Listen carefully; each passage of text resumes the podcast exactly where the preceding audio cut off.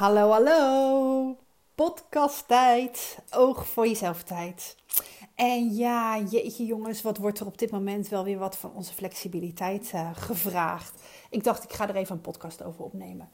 Want ik weet niet hoe het bij jou zit, maar bij mij vliegt de ene na de andere uh, positieve boodschap me om de oren. En dan heb ik het niet over een positieve mindset, want daar ben ik natuurlijk gek op. Maar uh, berichten over uh, positief getest zijn uh, doen natuurlijk wat anders. Vooral ook omdat um, ja, daardoor de boel vaak weer op zijn kop gegooid wordt. Ik was aan het appen met een vriendinnetje die zei: Ja, mijn dochter zit in quarantaine gedoe in de klas. Ik had een beeldcoachafspraak op een school en ik kreeg een mail van een juf. Mijn hele klas moet tien dagen in quarantaine. Uh, ik had een juf uh, vorige week gezien en die appte me dat ze positief was.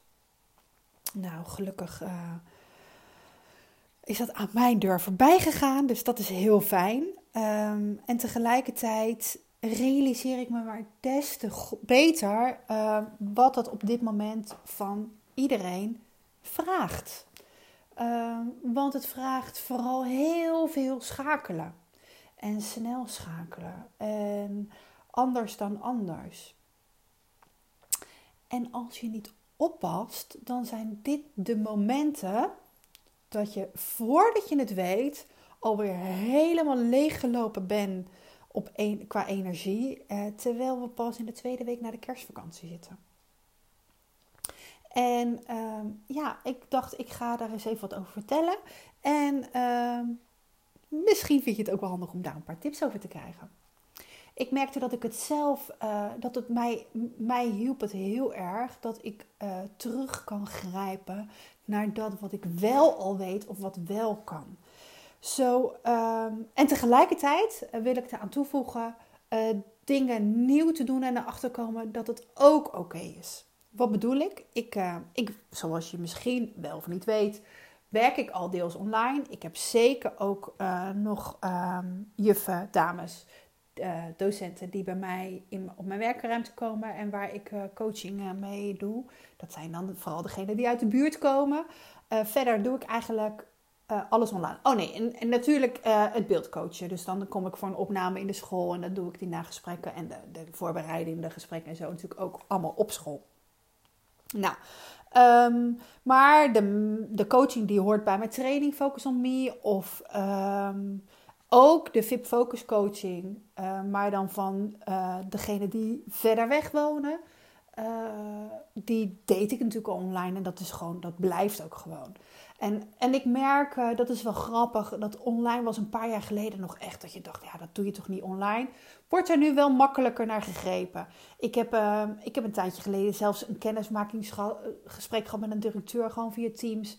En ik had die beste man ook nog nooit ontmoet. En, en dat gesprek was er echt niet minder om. Of ik nou bij hem aan tafel had gezeten of nu dat uh, online deed. Het is maar net wat je ja, wat jouw overtuiging op dat gebied is. Ik, ik merk namelijk dat bij, uh, bij veel mensen in het onderwijs uh, was dat online. Uh, denken ze een soort van, ja, maar dan zit er een schermpje tussen, dan kan ik niet echt, of dan is het moeilijk. Of, nou ja, die hebben misschien zelf de ervaring met het online lesgeven, waarin ze toch voelen dat het niet helemaal kan zijn wat ze in de klas bieden. En, en dat snap ik helemaal. Er is echt een verschil online met één op één dingen doen of met een grote groep. Als je met een grote groep namelijk dingen online doet, dan vraagt dat ook veel van die groep, van de verantwoordelijkheidsgevoel, van het eigenaarschap wat die nemen. En dat is bij kinderen echt lastig. En dat, dat is ook wat je misschien wel van vrienden of van bekenden hoort, die online meetings hebben en vergaderingen. Uh, ik hoor het bij mijn eigen man trouwens ook, of bij mijn kinderen die dan online les krijgen. Uh, het is, de verleiding is zo groot om, om, als je even je niet betrokken voelt, wat anders te gaan doen. En er dan heel, niet helemaal te zijn, waardoor, waardoor je ook weer sneller afhaakt. En waardoor degene die voor die groep staat of wat vertelt, ook het gevoel heeft van ik mis die verbondenheid. Nou, ik heb het geluk dat het dat eigenlijk nooit is. Want uh, het meeste contact wat ik online heb, dat is één op één. En dan is het echt heel makkelijk om hetzelfde voor elkaar te krijgen als dat ik hier naast iemand zit in mijn eigen ruimte. Uh, omdat we gewoon er allebei zijn uh, met onze volledige aandacht. Dat we allebei doelen hebben, dingen willen. En dat maakt het online echt een stuk makkelijker. Dus dat realiseer ik me goed. En ik vind het wel belangrijk om deze boodschap te delen, omdat er ook, ehm, weet ik, zat vrouwen zijn die misschien wel zo online coaching willen, maar die denken: ja, maar dat is het niet. En, dat, dat uh, houdt me tegen, omdat ze die ervaring zelf hebben over wat online doet.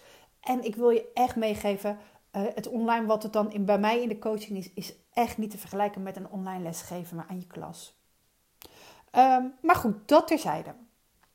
Ik realiseer me ook dat, um, dat ik deels al online bezig was, dat het ook wel weer vergemakkelijkt. En tegelijkertijd um, deed ik niet alles nog online. En dat kwam ook omdat ik uh, bepaalde overtuigingen had. Zoals ja, maar bepaalde oefeningen doe ik dan niet online. Want die zijn eigenlijk, die werken alleen in het echt goed. En um, ik ben dat de laatste tijd eens gaan uitproberen. En is natuurlijk echt je reinste onzin. Want je, je, je enige beperking die er altijd is, dat zijn je eigen gedachten. Je limiting beliefs. Je beperkende gedachten of overtuigingen die je zelf ergens op hebt, waardoor iets niet door kan gaan. Zo heb ik dus net, eigenlijk uit nood geboren, een online beeldcoachafspraak gehad. De opname was vorige week al gedaan. De analyse was ook door de leerkracht gedaan. En we hadden alleen het gesprek nog. En omdat we anders een beetje vastliepen met de rest van het traject um, en het echt niet op school door kon gaan, heb ik die leerkracht benaderd en voorgesteld om het online te doen. Het was voor mij ook een uitprobeersel. Om een scherm te delen, om te delen, de video te delen, zodat zij hem ook kon bedienen. Want dat is wat we met beeldcoaching doen. Dan kijken we naar gedeeltes uit de opnames. En het ging verrassend goed. Het was gewoon, ik, ik, ik, het voelde echt eigenlijk als een heel volwaardige afspraak die ik normaal ook zou hebben. En het is grappig hè, hoe je daarmee dus ook je eigen beperking. Ik heb het over mijn eigen beperking.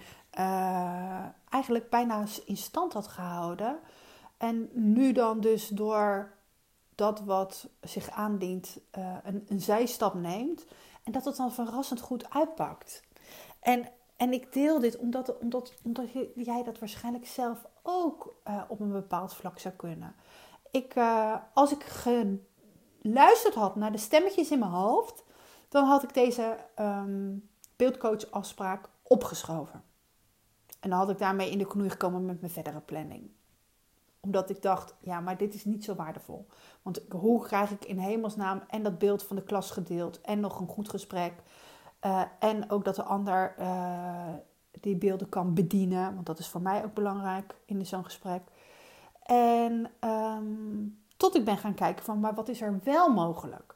Als ik namelijk blijf hangen in wat er niet mogelijk is en naar mijn hoofd en mijn stemmetjes luister, dan kost me dat altijd energie.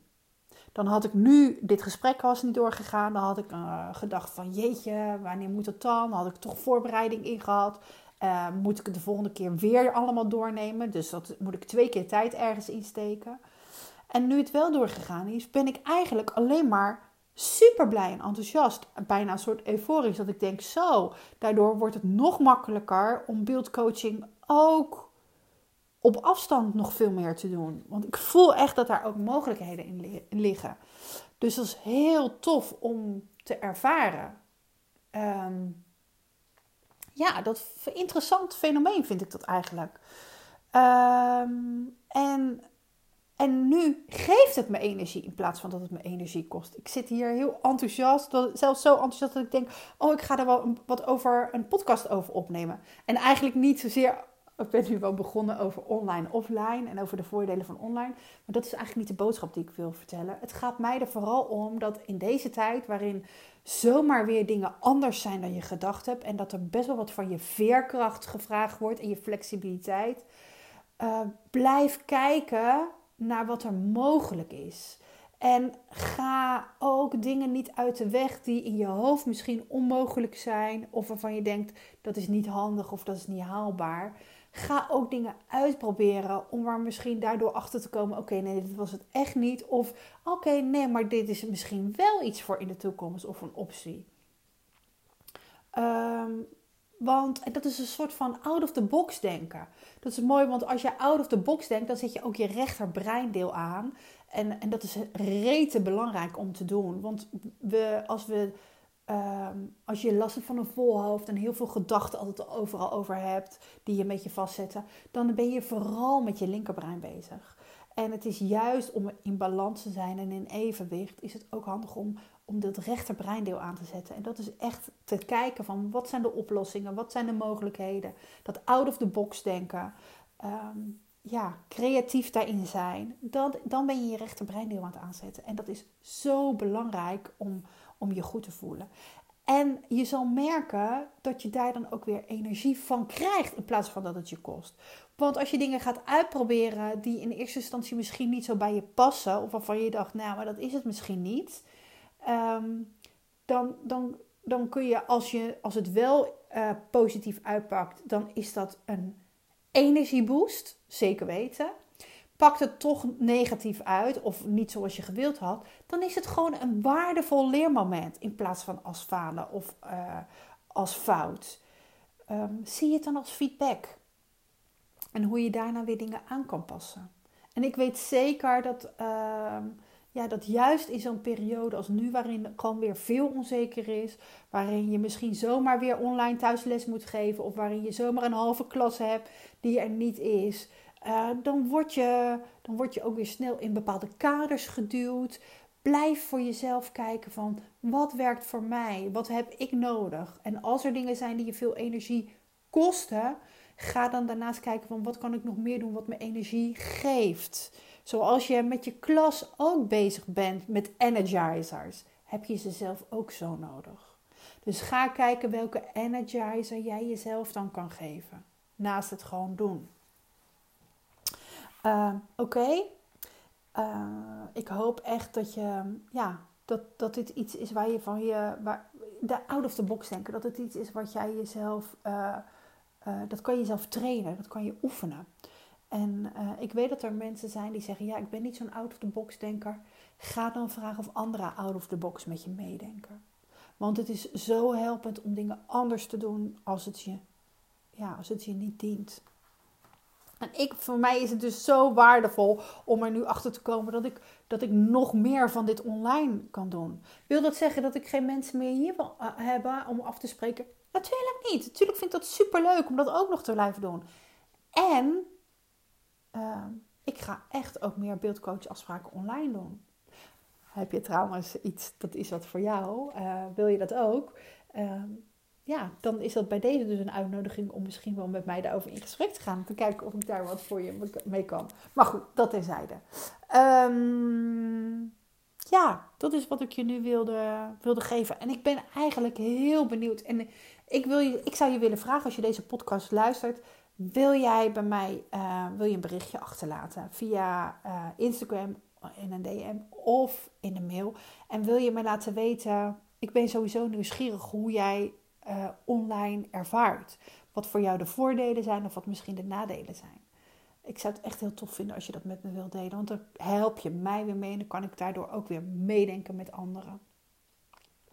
En ik zou het ook super gaaf vinden als jij uh, eventjes op die sterren wil klikken. Dus uh, als je op iTunes luistert, moet je even naar beneden scrollen en dan komen die sterren.